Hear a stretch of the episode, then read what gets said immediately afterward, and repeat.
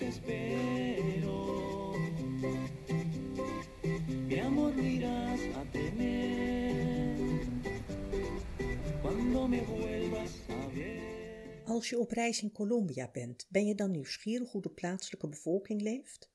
Of ga je nog op reis en wil je je alvast oriënteren? Of ben je een leunstoelreiziger die super geïnteresseerd is in andere culturen, maar het avontuurlijke reizen zelf graag aan iemand anders overlaat, die diep graaft om het land te leren kennen? Luister dan naar deze verhalen die je nergens anders hoort en je zult Colombia beter kunnen begrijpen. Ga mee op mijn rood audio met verhalen die ertoe doen. Ik ben schrijfster en journalist Karin Anema. Vanaf eind januari kun je naar mijn afleveringen van de Wet van de Stilte luisteren.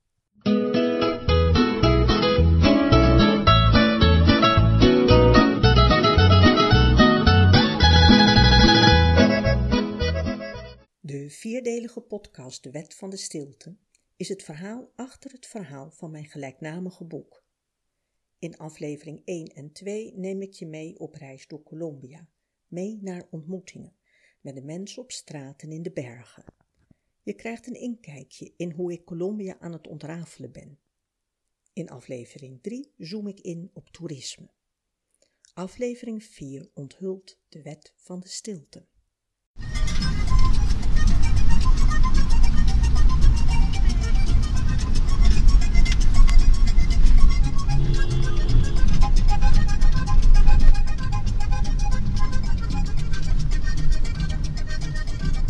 Wat voor route je ook kiest, je reist in Colombia altijd over Bogota.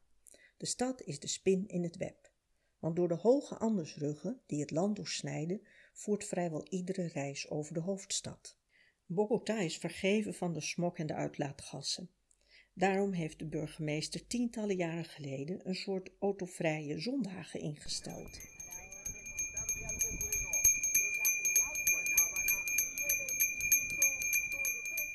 Dan trekken de Bogotanos erop uit, op het asfalt, dat voor even transformeert als ware het een park. Ook ik heb een fiets gepakt om me in de stroom van fietsers en wandelaars over de Cyclobia te begeven om de stad te verkennen.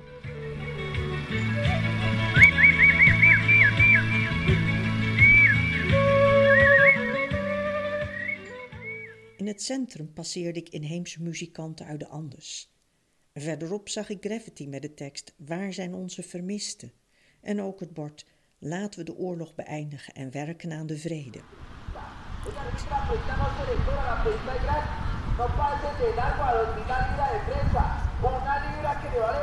Van straatverkopers tot demonstranten, iedereen pakte zijn kans om het asfalt op te gaan.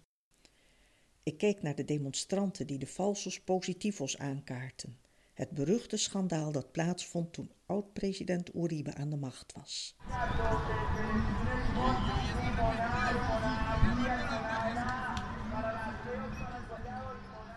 Ik fietste verder, voelde de scherp omlijnde klassen en kwam helemaal tot in het noorden waar de rijken in gated communities wonen.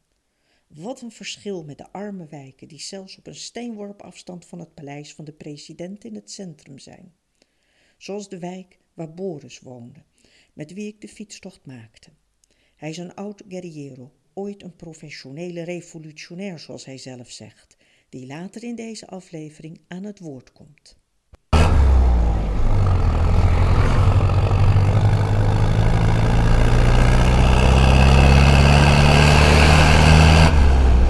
Oei, de cyclobia is weer opengegaan voor het verkeer. Wat een herrie. Wat doe ik hier eigenlijk?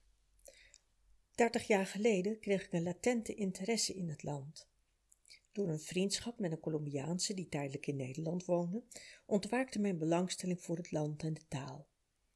Door het contact met haar, die, zij ging later weer in Colombia wonen, volgde ik op grote afstand de golfbewegingen van het geweld.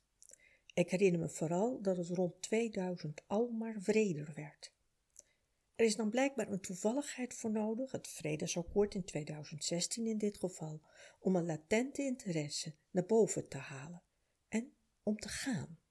Toen ik met mijn veldwerk begon, vroeg ik me vooral af of vrede en verzoening tussen de strijdende partijen mogelijk is in een land dat generaties lang getekend is door geweld, want geweld verandert mensen. Ik heb ervoor gekozen om de burgeroorlog te koppelen aan menselijke verhoudingen. Statistieken zijn voor mij mensen zonder tranen. 7 miljoen ontheemden in Colombia, 83.000 vermisten, 262.000 doden. Maar voor mij is dat abstract. Feiten en cijfers en statistieken, daarmee verlies ik het menselijke aspect. En mij staat voor ogen om de burgeroorlog een menselijk gezicht te geven, om cijfers van vlees en bloed te laten zijn. Maar wacht even, burgeroorlog? Er is toch tegenwoordig vrede? Colombia en de FARC tekenen volgende maand het vredesakkoord. In Nederland is het nogal stil als het gaat om de berichtgeving over Colombia. Het is blijkbaar geen nieuws. De vrede is toch getekend? De FARC heeft in 2017 toch al haar wapens ingeleverd? En het toerisme neemt toch daar enorm toe? Over het imago dat Colombia in Nederland heeft, zegt Marianne Moor het volgende. Zij heeft twintig jaar lang Colombia onder haar hoede gehad als mensenrechtenactivist bij PAX. Ik merk altijd dat Nederlanders Colombia kennen uh, vanwege de hele kookhandel, die toch ook voor een deel in uh, Rotterdam aankomt. En dat, dat weten mensen over het algemeen wel. De Netflix-serie is, heeft natuurlijk uh, gezorgd dat er tijdelijk heel veel aandacht was, zeker onder jongeren, voor Colombia. En heel veel mensen hebben het gevoel, de oorlog is afgelopen, want de guerrilla, de vark, is gedemobiliseerd. Niet wetende dat het geweld eigenlijk nog steeds uh, voortduurt, zij het in wat andere verschijningsvorm. Iemand die wel veel in het nieuws is geweest, is Tanja Nijmeijer in der tijd. Dat was een andere hoos, inderdaad, die ik natuurlijk van heel dichterbij heb uh, meegemaakt. En daardoor, uh, dat is denk ik ook de reden waarom Nederlanders over het algemeen, als ze aan Colombiaanse oorlog denken, dan vooral aan de vark denken. Hè. Tanja Nijmeijer was uh, ja, voor het eerst in de geschiedenis van Colombia, denk ik, een hele, hele directe link met Nederland die doorgedrongen is tot het grote publiek. Alleen het varkkopstuk Ivan Marquez heeft in september 2019 nog even het nieuws gehaald, omdat hij heeft opgeroepen om opnieuw de wapens op te pakken. Dat was toen ik zelf voor mijn laatste reis in Colombia was. Twee maanden later, terug in Nederland, spreek ik Joris van der Sand, cultureel antropoloog en mensenrechtenactivist bij PAX. Joris, je komt net uit Colombia met alle onrust en demonstraties van de afgelopen weken. Wat heb jij daarvan gezien of gemerkt of meegemaakt? Ik heb er vooral in Bogota uh, heb ik er uh, veel van gezien. Er is overal onrust, uh, overal graffitis en ook demonstraties. En met veel kabaal. Ze slaan met pannen slaan ze al, met pollepels en zo. Er zijn hele orkesten van. En die gaan s'nachts over straat en dan die hoor je van ver aankomen. En um, nou ja, dat is, dat is wat je ervan ziet. En die gravity bijvoorbeeld, is het dan vooral in uh, leuzen die ze... Ja, ja dat, dat er bijvoorbeeld staat uh, ja, wie er allemaal voor, voor, volgens de mensen af moeten treden. En uh, um, ja, Assassino, Uribe Assassino en dat soort leuzen. En dan mi mi ook midden over de muur van het, het Paleis van Justitie bijvoorbeeld. Op hele belangrijke plaatsen zijn die graffitis niet zomaar een muur, maar op het Paleis van Justitie. Wat toch wel veelzeggend is. Zeker. Het Paleis van Justitie wat midden in het centrum staat. Ja.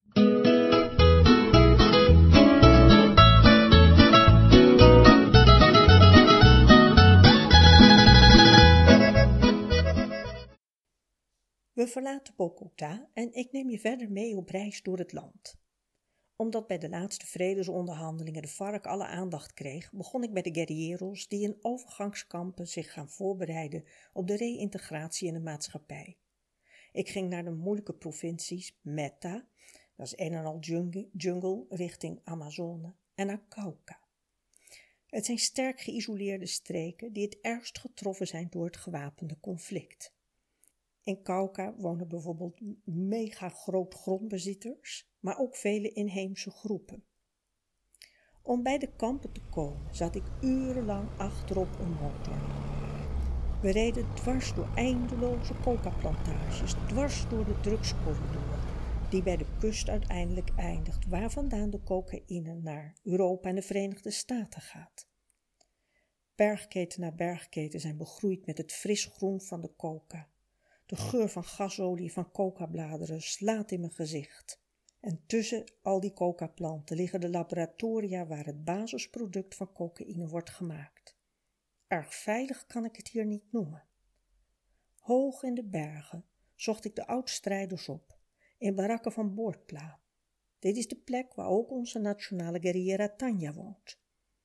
In de kampen was het vaak akelig stil, want velen zijn met de noorderzon vertrokken. Ik bleef er dagen en nachten om de mensen beter te leren kennen, om beter achter het etiket guerriero te kunnen kijken. Waarom zijn ze ooit aan de strijd begonnen en hoe denken ze hun leven verder vorm te geven? Die verhalen zijn te veel voor deze podcast, maar die vind je in mijn boek De Wet van de Stilte. Achter op de motor ga ik weer de lange bergweg naar beneden. Omdat Kauka een provincie is waar relatief veel inheemse groepen wonen, wil ik daar meer over weten. Dus ga ik naar Popayan, waar een inheemse universiteit is. En daar spreek ik Joris van de Zand, die je al eerder in deze aflevering hoorde. Waarom is het eigenlijk belangrijk dat er aparte inheemse universiteiten zijn en wellicht komen er nog wel meer inheemse universiteiten? Nou, dat is in de eerste plaats belangrijk voor uh, cultuurbehoud. De inheemse volken in Colombia die hebben in 1991 in de nieuwe grondwet, of die is inmiddels niet meer zo nieuw, maar de toen nieuwe grondwet, hebben die uh, het recht gekregen op uh, zelfbestuur. En ehm, daar hoort ook bij dat ze zelf een onderwijs mogen vormgeven en dat ze dus niet het gewone curriculum hoeven te volgen, maar zelf bijvoorbeeld inheemse kennis kunnen overdragen. En ook in hun eigen taal onderwijs krijgen of, of taalonderwijs in hun eigen taal kunnen krijgen. En dat is heel belangrijk voor ja, het voortbestaan van die inheemse groepen en voor een, ja, het uitdragen van hun identiteit. De reïntegratie van oud-strijders is een heet hangijzer. Het gaat erg moeizaam in het algemeen. De inheemse daarentegen willen dat op hun eigen manier doen. En een van die voorbeelden is dat ze een reinigingsritueel doen. Kan jij mij uitleggen hoe dat precies gaat? Want jij bent daar ook wel bij geweest. Ja, um, ja het is, uh, voor de Indianen is reïntegratie is niet alleen maar een uh, individueel persoon die terugkeert naar zijn familie of zo, maar hij keert terug naar de gemeenschap. Uh, en het feit dat die persoon in de, in de vark of zo meegelopen heeft, jarenlang, is ook een gevaar voor die gemeenschap, omdat hij met verkeerde ideeën terugkomt. Hij of zij, want er zijn ook best wel veel vrouwen ex-strijders. En die persoon die moet volgens de Indianen ehm, die verstoring die hij in de gemeenschap veroorzaakt heeft weer op herstellen. En dat gebeurt tijdens een, een reinigingsritueel. Een reinigingsritueel is een soort van symbolische uiting waarbij de ex-strijder um, ja, pardon, hoe zeg je dat? excuses vraagt aan de gemeenschap. En uh, waarbij ook uh, de, de sjamaan een rituele handeling verricht, ehm, waarbij die persoon wordt gezuiverd. En op een gegeven moment wordt de gemeenschap ook het woord gegeven en die, ehm, ja, die zeggen dan van oké, we zand erover. Nou, zo zeggen ze het niet, maar daar komt het dan op neer. En dan kunnen de gemeenschap en die oud-strijders, die kunnen weer met elkaar verder de toekomst in hoe oprecht zijn die excuses? Want sorry zeggen is natuurlijk makkelijk uh, gezegd, maar in hoeverre denk je dat die oprecht zijn, voor zover jij dat hebt meegemaakt? Ik denk wel dat het oprecht is de wens om uh, niet meer gewapend te zijn en met een gewapende groep te lopen. Uh, dat is oprecht. Die mensen willen echt terug naar de gemeenschap. En het feit dat ze ten overstaan van een hele grote groep mensen moeten uitspreken wat ze zelf vinden dat ze verkeerd hebben gedaan, of moeten aanhoren van een hele grote groep mensen hoe hen dat heeft uh, geraakt, uh, die mensen, wat zij hebben gedaan. Dat is behoorlijk confronterend en uh, dat kan geen enkele oudstrijder ongeroerd laten, denk ik. En ik denk dat het ook wel echt een, een ja, heel erg moeilijk is voor veel oudstrijders om dat zo uit te spreken. Wat moet ik me erbij voorstellen qua emotie? Ja, ze zijn emotioneel. Als je de Indianen een beetje begrijpt, die zijn niet altijd heel erg expressief. Zoals bijvoorbeeld de Afro-Colombianen wel veel meer zijn. Ze zijn veel uh, gereserveerder. Maar als je die mensen langer kent, dan weet je wel, dan kun je ze wel lezen.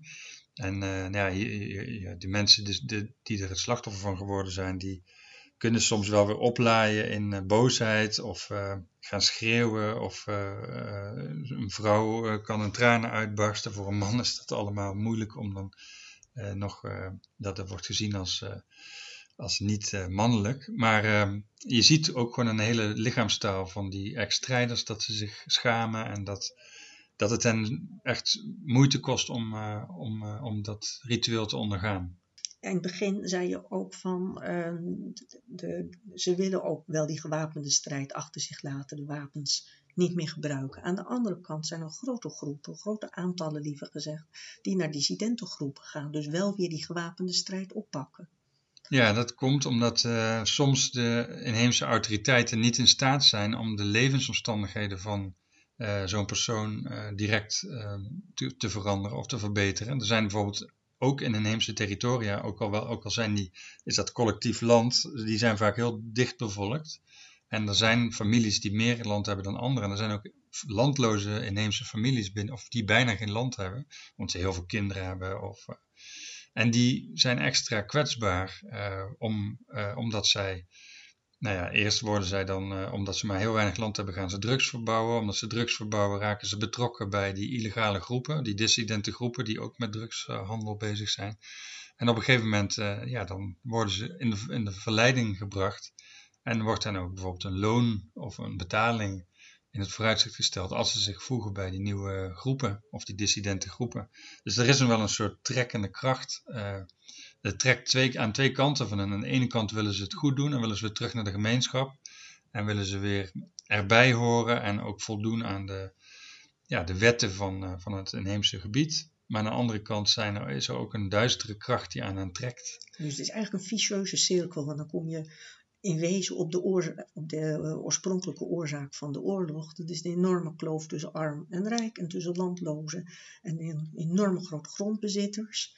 En ze komen weer terug in die oude situatie van te weinig grond.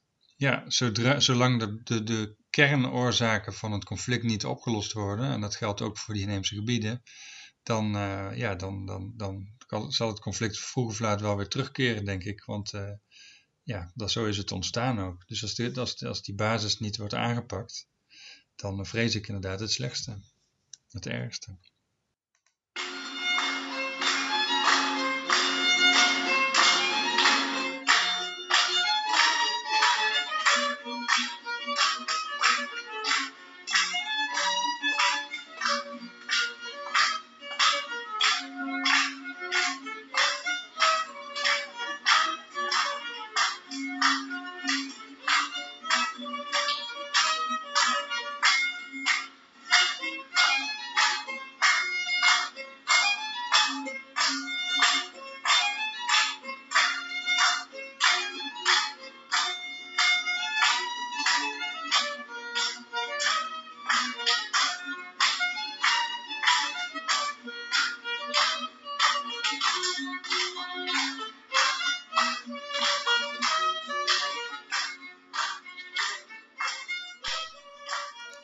Opnieuw pak ik de bus om strijders op te zoeken die al jaren geleden zijn gedeserteerd of opgepakt. Ze hebben al lange tijd de ervaring hoe moeilijk het is om terug de maatschappij in te gaan. Zo bereik ik Granada, een bergdorp op een paar uur rijden afstand van Medellin. Via een eerder contact, ook een oud strijder, heb ik zijn naam doorgekregen, maar ook niet meer dan dat. Ik weet dus eigenlijk niets van hem. William doet de deur open. Daar staat een keurige man in zwarte kleding en een wit overhemd. Met een beetje een pafferig gezicht en zijn ogen zijn tot spleetjes geknepen, maar hij is vriendelijk.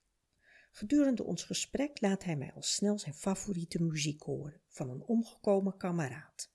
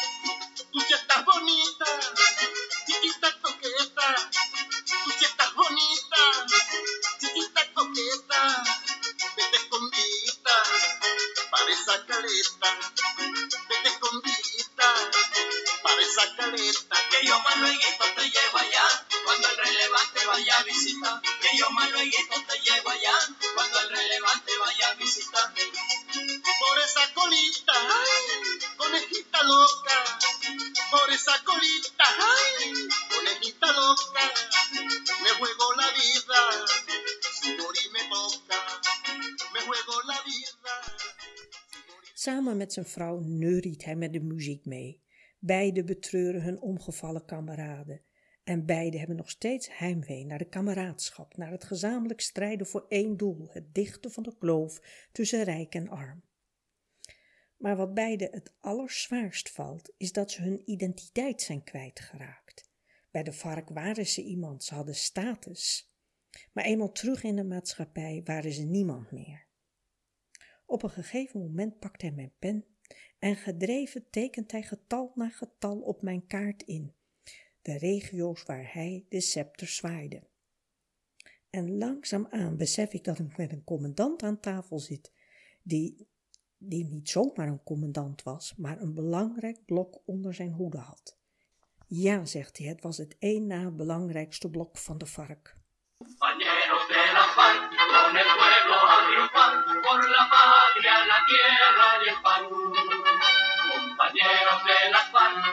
De la unidad, alcanzar la libertad. Compañeros de la FARC, con el pueblo a triunfar, por la patria, la tierra y el pan. Compañeros de la FARC, a la voz de la unidad, alcanzar la libertad. Je hoorde dat het ex-commandant William flink dwars zat dat hij na zijn desertatie zijn identiteit kwijt was geraakt. Hij was niemand meer. Boris is een andere dissident die ik tijdens mijn reis heb ontmoet. Een man van middelbare leeftijd die bijna twintig jaar lang bij de vark heeft gestreden. Hij is letterlijk en figuurlijk door zijn verleden getekend. Fysiek door de schade van een fragmentatiebom en mentaal door een identiteitsverandering. Hij zegt het volgende daarover. comprometido con un proyecto revolucionario. Pues yo era un profesional de la revolución, ¿sí? Eh, es, es algo que, que me fue dado en ese momento, ¿cierto? Toen ik bij de vark kwam, hebben ze me een identiteit gegeven, namelijk die van een professionele revolutionair, van strijder, die zich helemaal gaf aan de revolutie. No, digamos, no es la identidad que una persona desarrolla siendo un ciudadano común y corriente, porque esa identidad es algo que él construye, tiene que hacérsela. En dat is heel anders dan in de samenleving, waar je een identiteit ontwikkelt. Maar hier in de vark wordt je die gegeven. Ik praat met hem verder over de karakteristieken van het leven als guerrillero. No es lo mismo, no eran lo mismo, digamos, los- la, la vida de la guerrillerada en, en las grandes llanuras del Yarí o en el Meta o en el Caquetá. Hij vertelt dat ze enerzijds in de jungle leefden, maar anderzijds hoog in de Andes, waar ze dus tegen heel verschillende problemen aanliepen die ze moesten oplossen om te leven. En dat vergt een grote creativiteit, iets wat hem enorm aantrok.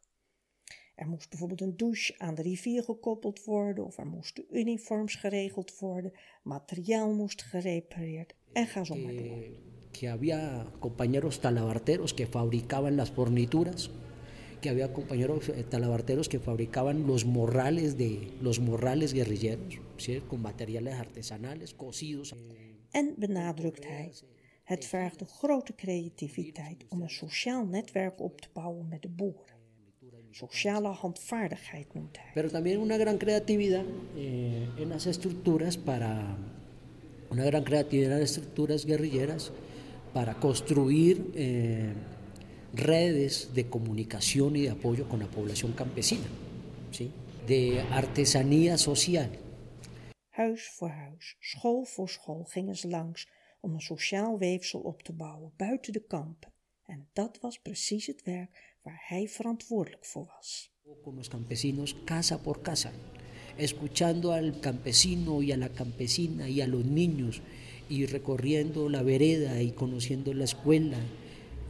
Eh, eh, una gran creatividad desde el punto de vista de la construcción del tejido social que acompañaba cada estructura guerrillera.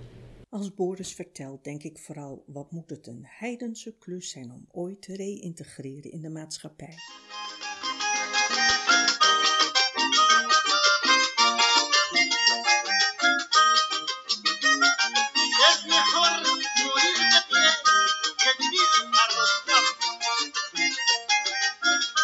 Cuando muere un negro dicen, cuando muere un negro dicen que no hay llanto ni dolor, que lo entierran parrandeando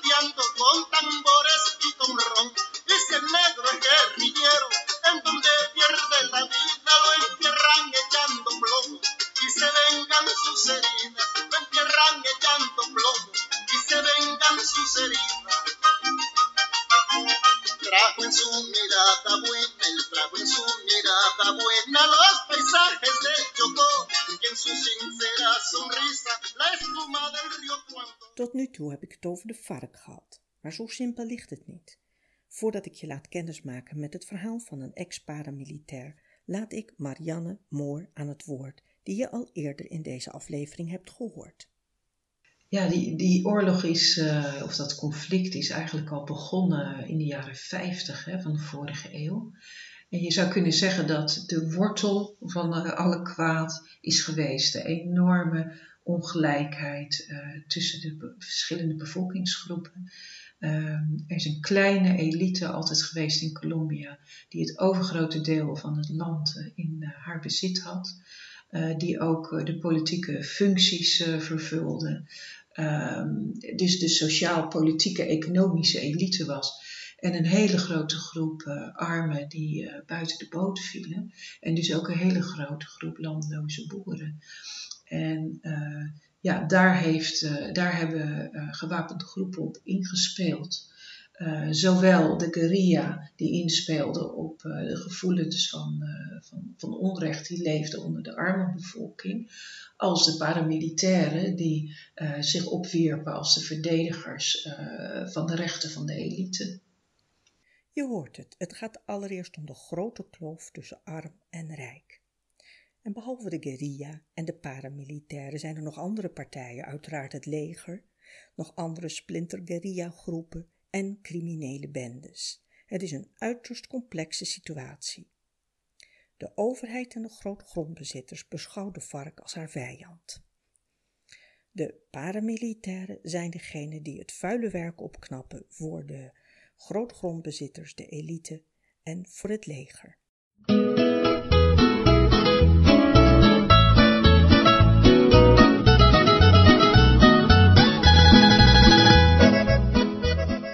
Zoals Verlee, die opgegroeid is in Bolivar. Eh, Bolivar is een streek met veel illegale mijnbouw en cocavelden en beheerst werd door de paramilitairen. Verlee is begin 30 jaar, stevig gebouwd en heeft een open blik. Ik laat hem nu eerst zelf aan het woord wat hem is overkomen. Mi nombre es Ferley Ruiz, eh, soy desvinculado del conflicto armado eh, y víctima del conflicto. Eh, jugábamos con carritos hechos de lata de sardina, cuando de repente pasaron cinco camionetas. Vroom, vroom, vroom. Verlee is vijf jaar als hij met autootjes gemaakt van sardineblikjes aan het spelen is en vijf camionetas voorbij ziet komen. Me asomé, lo que vi fue unas botas y una cacha de un fusil y me fui para donde mi mamá. Hij is zo klein dat hij vooral de geweren en de laarzen ziet. En even later hoort hij een explosie. Boom. Hij rent naar zijn moeder mamá en zijn moeder gaat cogió kind voor kind bij zich roepen.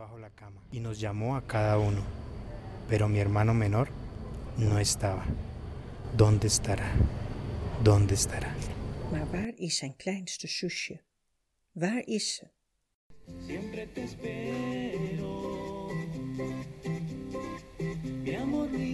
A cuando me vuelvas. Dit was aflevering 1 uit mijn podcast De Wet van de Stilte, Reis door Colombia. In mijn volgende aflevering neem ik je verder mee op reis door de bergen. Je zult Verlee opnieuw horen, maar ook nieuwe gesprekspartners. Je reist mee op mijn zoektocht om het land te ontrafelen.